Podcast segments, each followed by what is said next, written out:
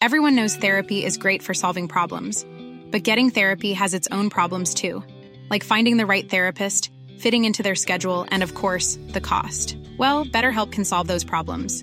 It's totally online and built around your schedule. It's surprisingly affordable too. Connect with a credentialed therapist by phone, video, or online chat, all from the comfort of your home. Visit betterhelp.com to learn more and save 10% on your first month. That's BetterHelp H E L P. Hey, I'm Ryan Reynolds. At Mint Mobile, we like to do the opposite of what Big Wireless does. They charge you a lot, we charge you a little. So naturally, when they announced they'd be raising their prices due to inflation, we decided to deflate our prices due to not hating you. That's right. We're cutting the price of Mint Unlimited from $30 a month to just $15 a month. Give it a try at mintmobile.com slash switch. $45 upfront for three months plus taxes and fees. Promo rate for new customers for limited time. Unlimited more than 40 gigabytes per month. Slows. Full terms at mintmobile.com. This is Paige, the co-host of Giggly Squad, and I want to tell you about a company that I've been loving, Olive and June. Olive and June gives you everything that you need for a salon quality manicure in one box. And if you break it down, it really comes out to $2 a manicure, which is absolutely insane. It's also so easy to get salon worthy nails at home with Olive and June. The difference between how your nails used to look when you did them yourself and now with the Manny system is a complete game changer. The best thing about Olive and June too is it's a quick dry. Dries in about one minute, lasts for five days, and full coverage in up to one to two coats. Visit oliveandjune.com slash perfectmani20 for 20% off your first system. That's oliveandjune.com slash perfectmani20 for 20% off your first system.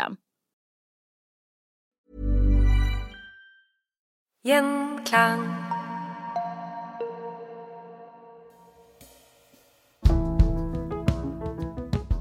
I løpet av hele 1600-tallet var det bare tre år med fred i Europa. Religiøse konflikter knyttet til reformasjonen blåste gjennom kontinentet.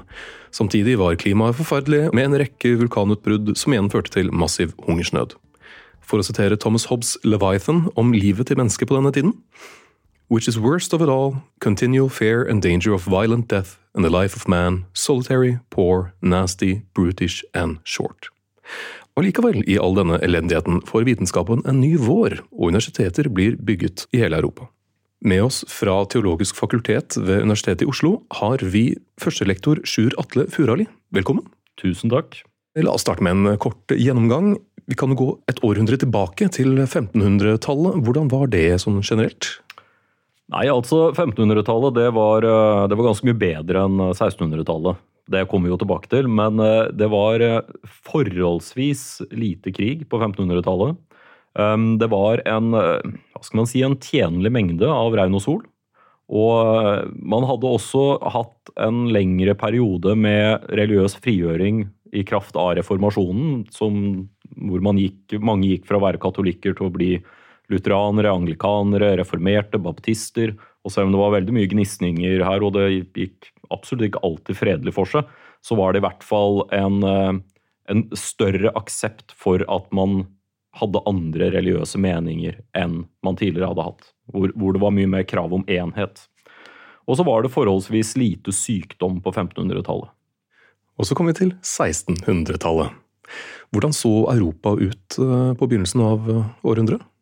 På begynnelsen av århundret så var det nok ganske likt som på 1500-tallet, men ganske snart så begynner ting å endre seg. Og det henger jo sammen med både det at klimaet ble gradvis kaldere, eller mer ekstremt, og at det ble mer og mer krig før da 30-årskrigen bryter ut. Og det blir den mest voldsomme krigen som Europa noensinne har sett.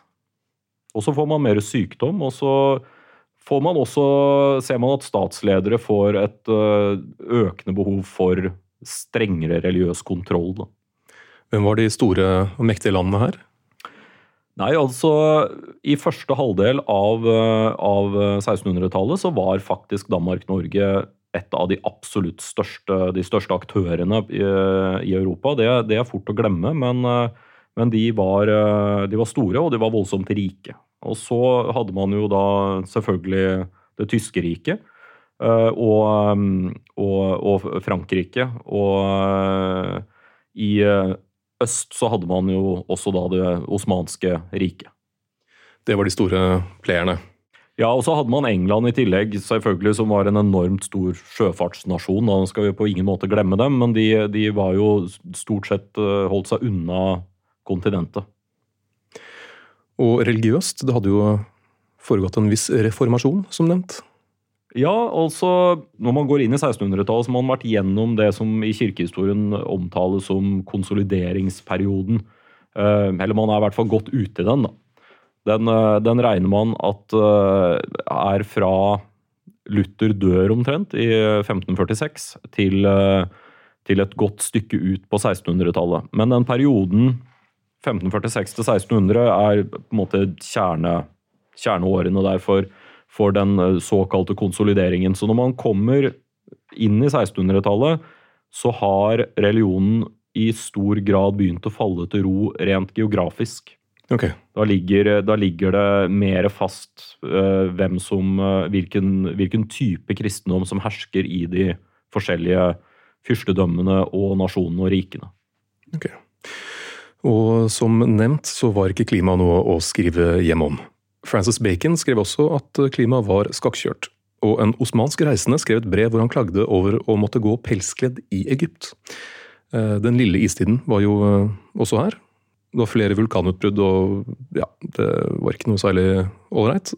Og vi skal komme tilbake til vitenskapen senere, men teleskopet, en formidabel oppfinnelse som dukket opp her. Så de noe interessant?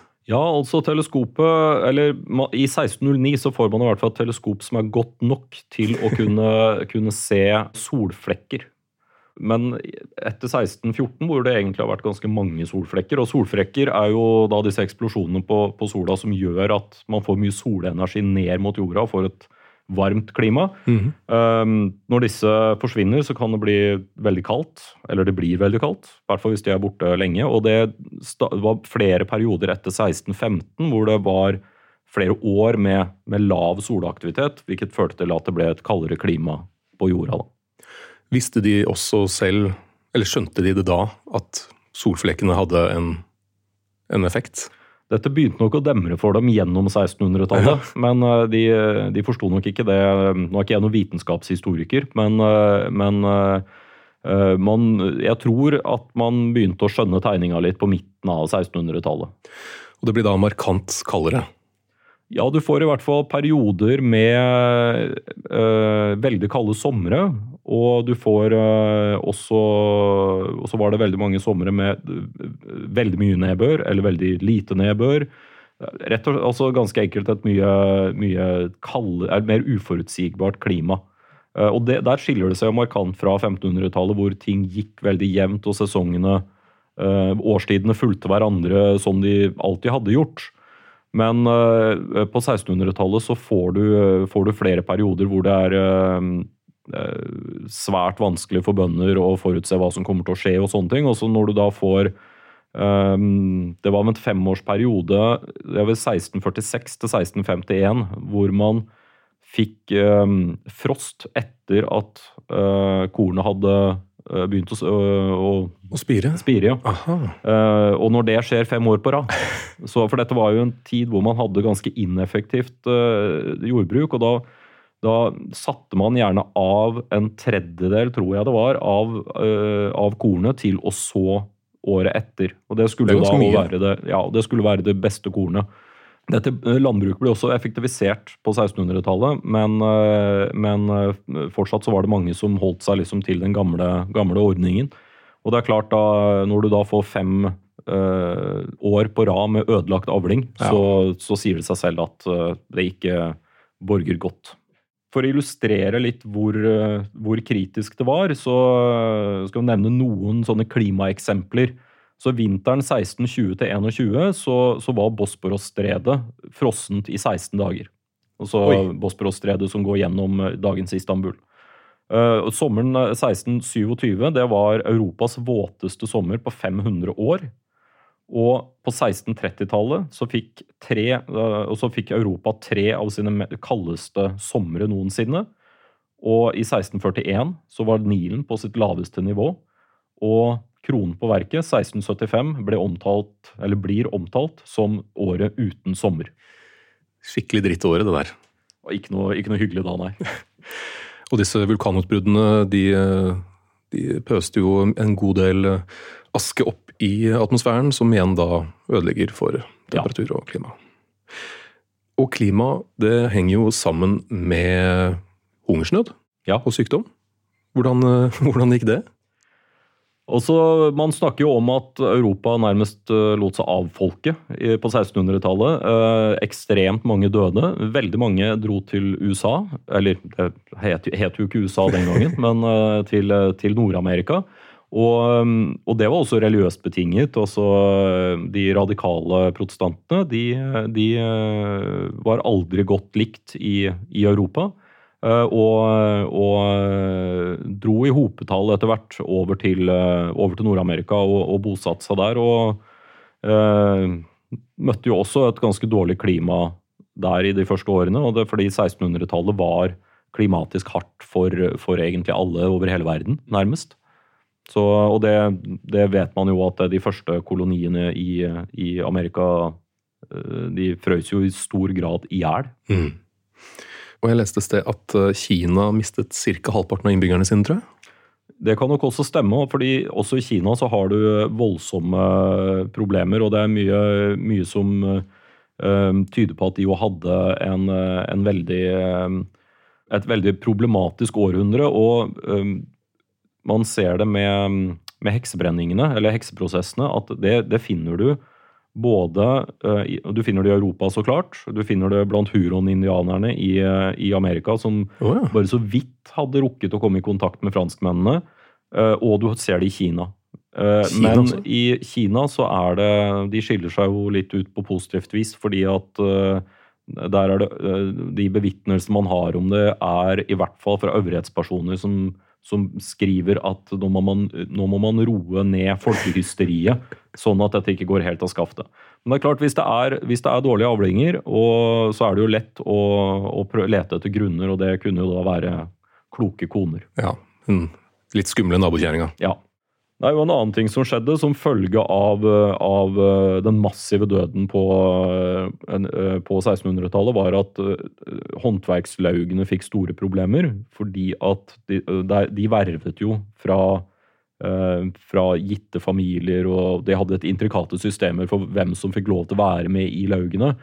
Men etter hvert som folk døde, så, så kunne de på en måte ikke tillate seg å være, være kresne etter hvert. Og etter hvert så laugsvesenet endres fordi de har ikke lenger så uh, de, har, de, har, ikke så mye penger lenger. At de kan ikke opprettholde dette laugsvernet, som var at man Hvis, hvis uh, noe brant, så kunne lauget gå sammen, og så kunne man bygge det opp igjen. Uh, men når men når det forsvinner, så, så, erstattes det av forsikringspoliser. Så på 1600-tallet så får man også forsikringsselskapenes gryning. Som understreker hvor, eh, hvorfor det var kjipt århundre. Nei da. Og midt oppi alt dette her så fant man så klart ut at man skulle ha en god del kriger. Det var 30-årskrigen, den store nordiske krigen, fransk-nederlandske krigen, niårskrigen, borgerkriger her og der, 25 store bondeopprør bare i Tyskland og Sveits. England alene så to revolusjoner, en borgerkrig og mer enn 50 opptøyer pga. matmangel. Frankrike to borgerkriger. Altså, hallo! Det kan ikke ha bidratt positivt til befolkningens ve og vel. Nei, på ingen som helst måte. Og det man, eh, det man ser på 1600-tallet, er at krigføringen, eh, altså den militære teknologien, endres. Eh, man får, man får skytevåpen som, som, fungerer forholdsvis godt, altså at de, man kan lade om raskere og, og skyte fortere. Og det, mm, dette har man jo i krigen mellom Sverige og Skåne, så har man jo dette begrepet snapphanar. Og snapphane er jo et gevær, mm. og, eller en geværtype. Og, og, det at man eh, får gevær som ikke lenger trenger å stå på en Som er lettere, sånn at de ikke trenger å stå på en, en, eh, en stang for å, for å, støtte opp. Og man får kanoner som er lettere, som gjør at de kan fraktes med ut i felt. Og det var nok det mest avgjørende. Og vi snakket så vidt uh, før innspilling her om uh, tretårskrigen. For det ja. var jo en ekstra spesielt koselig krig. Ja, det, man kan si mangt om, eh, om 30-årskrigen, men koselig var det nok ikke. Her, her får man en, en mobilisering av militært mannskap man ikke har sett maken til, eller ikke hadde sett maken til i Europa til da. Og veldig stor bruk av leiesoldater. og man får også, og disse leiesoldatene hadde jo ofte kone og barn, i hvert fall koner, som ble med. Barna ble nok veldig ofte satt igjen på gårdsbruk rundt omkring i hjemtraktene, men, men kvinnene fulgte ofte med. og det gjorde at man fikk hærer som ikke bare besto av, av, mennene, men også da kvinner opp til størrelsesorden på 50 000. Oi. Som man da skulle drasse med seg rundt. Og det sier seg selv at når dette skal bevege seg gjennom landskapene, allerede, hvor det allerede er litt utarmet av mat, så, så sier det seg selv at uh, det går hardt utover uh, de man, forbi, uh, man passerer. Og det var, det var bare tre år med fred? Ja. Hvis du regner totalt i hele Europa, så, så var det det. det. det. er jo sjukt, rett og slett. Men hvordan, kan, altså, hvordan hadde de anledning, ressurser, til å krige så mye? Nei, altså Man må jo ikke glemme da at man hadde jo oppdaget Amerika og for lenge siden. Man hadde samlet seg opp enorme rikdommer gjennom 1500-tallet der. I hvert fall det, det habsburgske riket. Også Habsburgerriket var jo eh, besto jo av Spania og, og Østerrike. Altså Habsburgerne jo, kom jo fra Østerrike opprinnelig, men hadde da giftet seg inn i uh, det spanske riket og, og, eh, var nå liksom sammenstilt med dette gule våpenskjoldet med den sorte ørnen. Mm. Og, og, dette var jo et veldig pengesterkt rike som, uh, som, hadde samlet inn uh, veldig mye midler fra Sør-Amerika, og så hadde du England samlet, og Frankrike som hadde samlet inn og holdt på å samle inn veldig mye midler fra Nord-Amerika. Og øh, man hadde oppdaget gummi, altså oppdagelsen av gummi på det var vel på 1500-tallet. Øh, det, det, førte også til en massiv øh, pengevekst. Og, og, man begynte også å få store borger, borgerlige personer som Eller borgere som hadde veldig mye penger, som ikke var adelige. Mm. Og, så økonomien endrer seg, og, og, kongene begynner å låne veldig mye. Men når det gjaldt, når det gjaldt Danmark-Norge, f.eks., som Kristian 4. var om mulig den rikeste enkeltpersonen i Europa. Oi. Og i hvert fall helt oppe i toppen. Og det hang jo sammen med at han kontrollerte Øresund. Så um, og kunne kreve voldsomme skatter, eller tollavgifter der, da. Samt at de, de, danske kongene hadde jo ordnet seg Han satt godt i det da han ble født også. Men, eh, men, de, eh, men, dette var jo også grunnen til at Danmark gikk inn i 30-årskrigen. fordi det ville jo ikke riksrådet i Danmark. For det, dette var jo før eneveldet, så kongen måtte ha godkjenning av riksrådet for å kunne mobilisere til krig.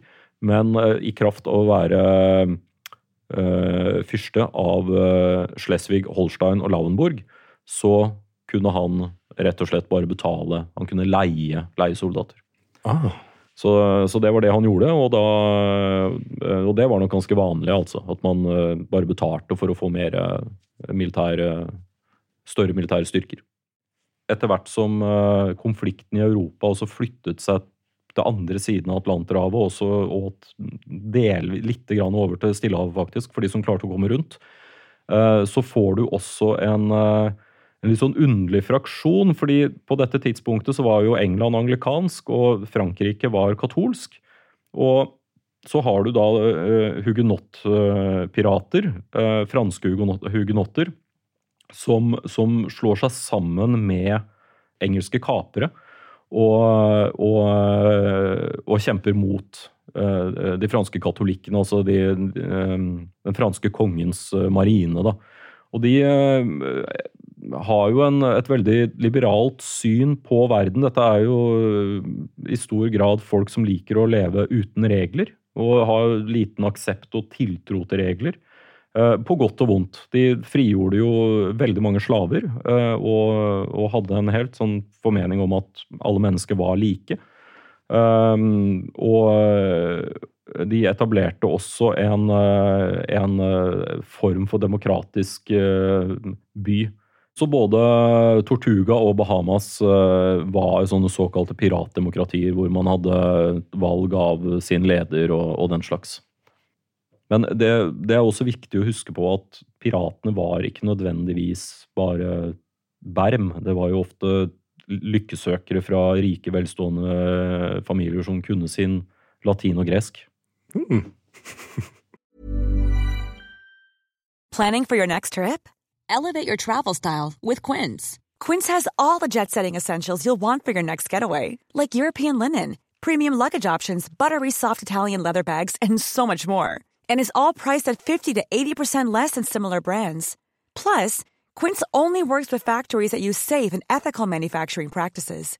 Pack your bags with high-quality essentials you'll be wearing for vacations to come with Quince. Go to quince.com/pack for free shipping and 365-day returns. Everyone knows therapy is great for solving problems, but getting therapy has its own problems too, like finding the right therapist, fitting into their schedule, and of course, the cost.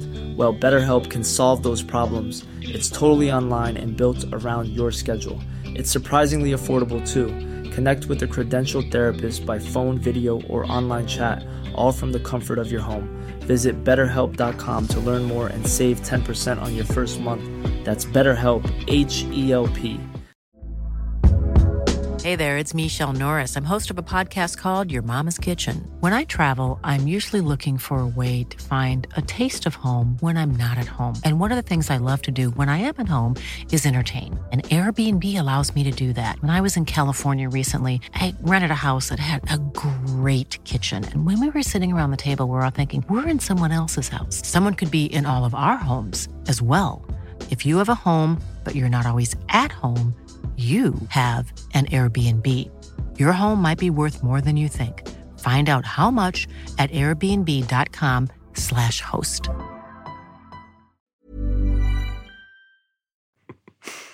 Og som nevnt med det habsburgske riket og, og Sør-Amerika. For der eh, ble det jo hentet ganske store mengder med gull og sølv. Ja. Og det førte jo også da til en inflasjon i eh, Europa og mm. verden.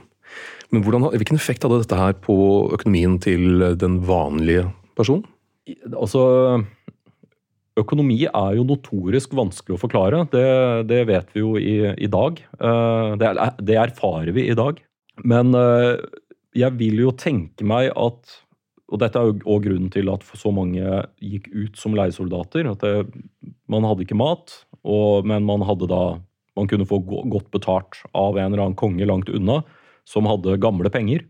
Uh, og så, så, kunne man uh, bare gå ut i krigen og være i krigen en stund. Og, og, så, og, så, ordnet det seg, tenkte man. Problemet er jo at 30-årskrigen var såpass brutal at uh, veldig mange kom ikke hjem. Og de som kom hjem, kom jo gjerne hjem uføre, som vi sier i dag. Ja. Og de manglet et bein eller en arm eller et øye eller et eller annet som gjorde at i hvert fall det var vanskelig å fungere som bonde. Ja, Så de egentlig ble bare en ekstra munn å mette enn ja. å kunne produsere selv. Mm. Og den inflasjonen kan du høre mer om eh, i episoden om poteten. Tidligere episode, altså. Jeg leste et sitat med, eh, hvor det sto 'God Almighty has a quarrel with humanity'. Mm. All, all hungersnøden og alt som skjedde, egentlig, trodde man da at Gud straffet oss mennesker? På starten av 1600-tallet, så Eller da man gikk inn i 1600-tallet, så trodde man jo at det var en eh, årsakssammenheng mellom hvordan eh, mennesker oppførte seg, og hvordan Gud forholdt seg til skaperverket. Og Dette hang jo sammen med et radikalt annerledes verdensbilde enn vi har i dag, med en helt annerledes kosmologi, hvor jorda befant seg i midten, og så hadde du et firmament som, som kapslet jorda og universet inn, og så hadde du eh, en, det som kalles en empyreisk sfære uh, utenfor firmamentet igjen, og der var Gud. Um, så, så, man hadde ikke tilgang på Gud som så det. Man kunne ikke se Gud, men Gud kunne, kunne se inn og kunne handle i skaperverket.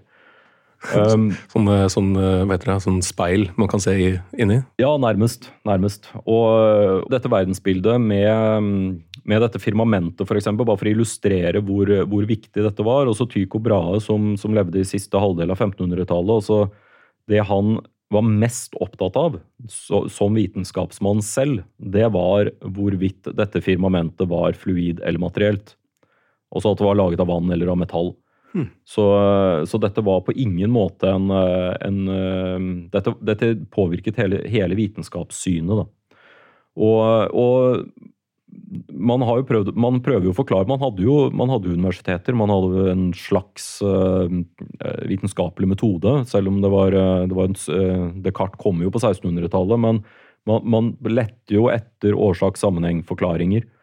Og, og, da uh, trodde man fast og helt på at Aristoteles hadde rett, og at, og at verden var, skulle forklares ut fra kristne premisser og aristoteliske premisser.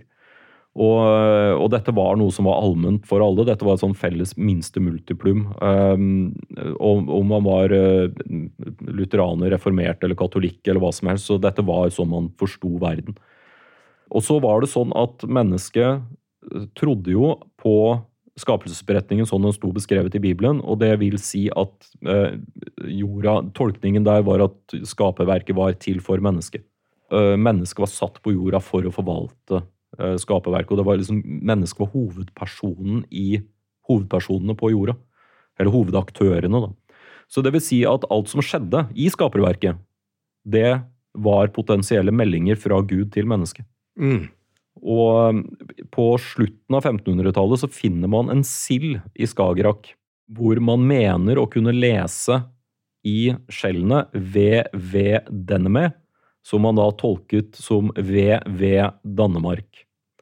Og denne ble brakt frem for kongen og av de ypperste vitenskapsmennene i riket, og, og så måtte man handle deretter. Dette var et V-ord fra Gud og en beskjed om at nå måtte Danmark skjerpe seg. Det er viktig å få beskjed via SIL. Ikke sant. Så, og sånn, dette var ikke unikt for Danmark på noe som helst vis. Altså dette, det fins flere sånne historier om, om, eh, om fisker som er eh, budbringere for, eh, for Gud til mennesker rundt omkring i Europa. Så, så dette at alt skjer for en grunn, i alt som er av naturen Naturlige forklaringer er på en måte unaturlige forklaringer, vil Ja. vi si i dag. Så, så det, og det førte jo også til at uh, all elendighet hadde sin forklaring i at Gud ville straffe mennesket, og hvis, ettersom Gud var den totale rettferdighet, absolutte rettferdighet og absolutt kjærlighet, så var, eh, så var også denne straffen eh, rettferdig. Og da måtte det være en forståelig grunn til at man fikk år med tørke, år med altså dyrtid, hungersnød, krig i det hele tatt. Men hvordan reagerte de da? De har fått en veldig tydelig beskjed. Noe må de jo gjøre. Ja, man prøvde jo å tukte mennesket, og så og så sørge for at folk oppførte seg ordentlig. Det var et veldig viktig prosjekt for de aller fleste statsledere på 1600-tallet. Og, og det eh, ser man jo da i lovgivning i, eh, i Danmark-Norge, at eh, man da, Kristian 4. begynner å tape i krig, i 30-årskrigen, så får man eh, økt lovgivning mot at folk, skal, mot at folk banner. Så, så stygt språk var noe man tenkte at dette provoserte Gud voldsomt, fordi det var så mange som holdt på med det. Det var så vanlig, liksom, at det, det, det, det måtte jo provosere Gud. Ja. Kriger og drap og sånn, ikke det, men, men banning. Ja, altså, Det å få ned banninga var, var nok løsningen på krigen, eh, på, hvert fall på klimaproblemer og sånn. Sånn, sånn tolket man mye av det. Så, så hvis bare folk kunne oppføre seg litt bedre i Danmark, så ville det gått bedre for Kristian 4. i krigen. Det er selvfølgelig en veldig god bortforklaring hvis man ønsker å beholde makten etter at man har dummet seg ut i krig. Men la oss si det er en landsby og landsbyoverhode som, som øh, sliter, sliter veldig med, med hungersnød og sykdom og alt mulig rart. Er det noe de f.eks. da kunne gjøre? Også, det kommer jo litt an på hvor man var og hvilken øh, type kristendom man tilhørte, men i, i det store og hele så var jo Gud på 1600-tallet opptatt av at folk skulle oppføre seg fint, og at de skulle gå i kirke. Og, det, det å, og det, Man får jo derfor også mange bestemmelser om at nå må folk begynne å gå i kirken. Og man får øh, bestemmelser mot en øh, del ting. Også i i England så har man jo den beryktede forbudet mot julefeiring. Hæ? Så eh, hvor man eh, Når eh, Oliver Cromwell tar over, eh, tar over makten, så, så prøver man å forby julefeiring, og man forbyr teater og, og alt sånt. Fordi man vil ha et eh, samfunn som er eh, eh, religiøst ordnet. Ok. Og øh, selvfølgelig, når det er, øh, når det er hungersnød, i hvert fall, så er det veldig lett å, å, å skylde på de Å skylde på trolldom. Og for det hadde eksistert en formening om at, at enkeltmennesker kunne ødelegge avlinger og styre været og den slags i, i århundrer. Det har man, dette har man lovgivning for i middelalderen også. Um, Det som er nytt på 1600-tallet, uh, er at man uh, i større grad begynner å uh, forby hvit magi også. Så bare det å ha disse evnene var, ble forbudt i seg selv. Og det fører jo til, til store, store massehysterier både her og der. Jeg nevnte jo at uh, dette, dette skjedde både i Kina og blant huron-indianerne og, og, og den slags. Um, I Skottland slår det også ut fordi man det, det kommer unormalt store mengder snø og regn. Det er jo en sånn ting som var veldig lett å skylde på, på hekser for. Det var Mm. på 1640-tallet. Men i, i Tyskland i, 16, eh, i 1626 så hadde man jo en, eh, et tilfelle hvor eh, 900 kvinner og menn ble henrettet pga. lave temperaturer. Ja. Ja, Det er klart, det, Man kunne kanskje tenke seg at det var mer effektive måter å, å fyre bål på. Ja. Å, herre fred.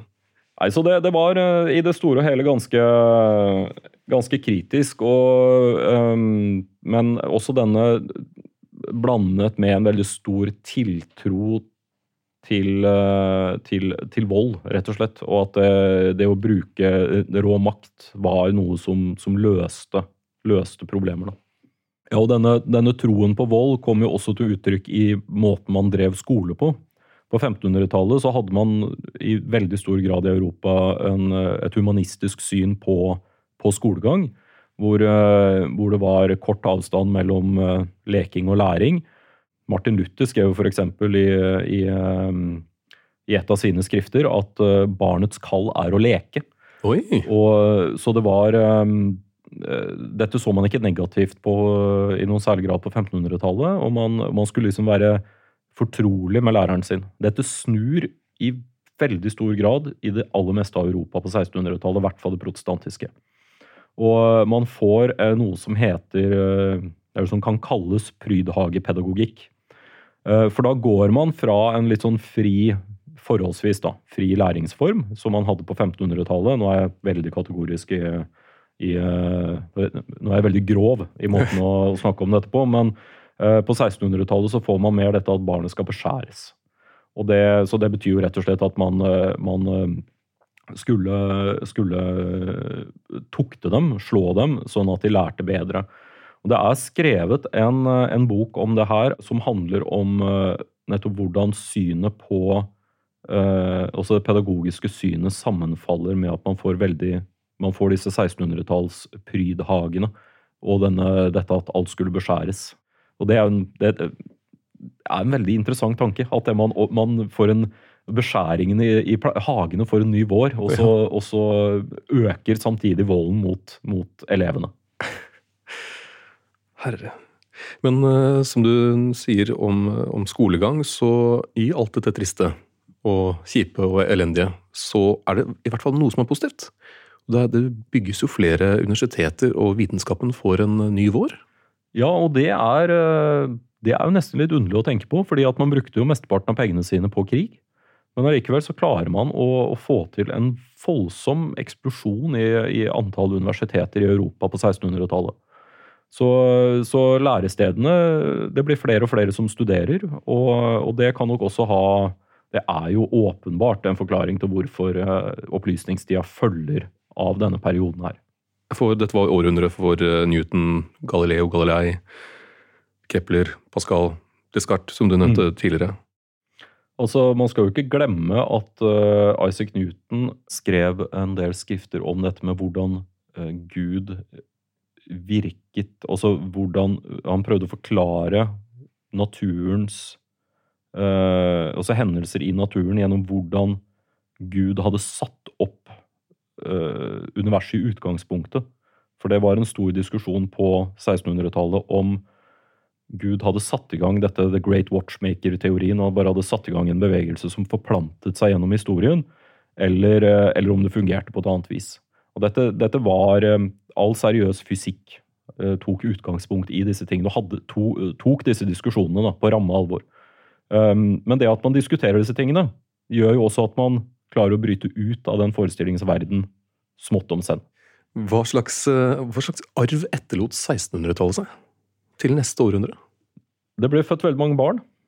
Og så Mennesket er jo litt sånn at når de har gått gjennom en krise, så, så blir det en babyboom. Det eh, ble født mange barn som ble slått på skolen. Ja. ja. Men, men, da kom jo også 1700-tallet hvor man, eh, man, ga seg jo ikke med det. Man slo det i hvert fall mindre hardt, og så brukte man kanskje mindre brutale artefakter for å slå dem.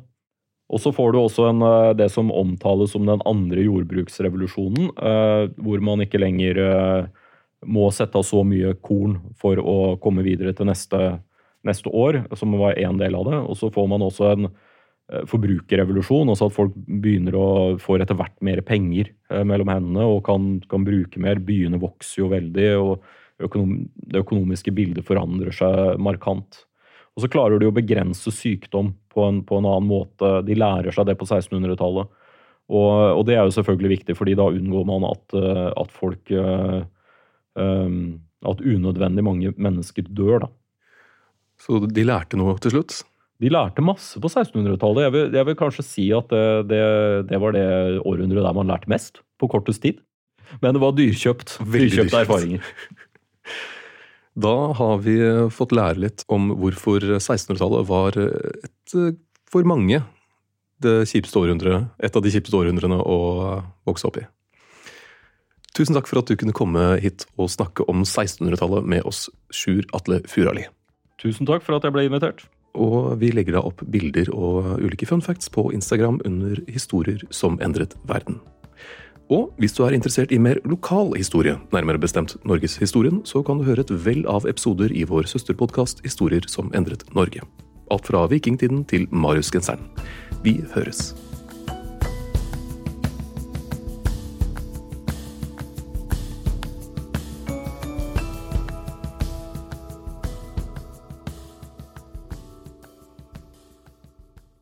Gjenklang.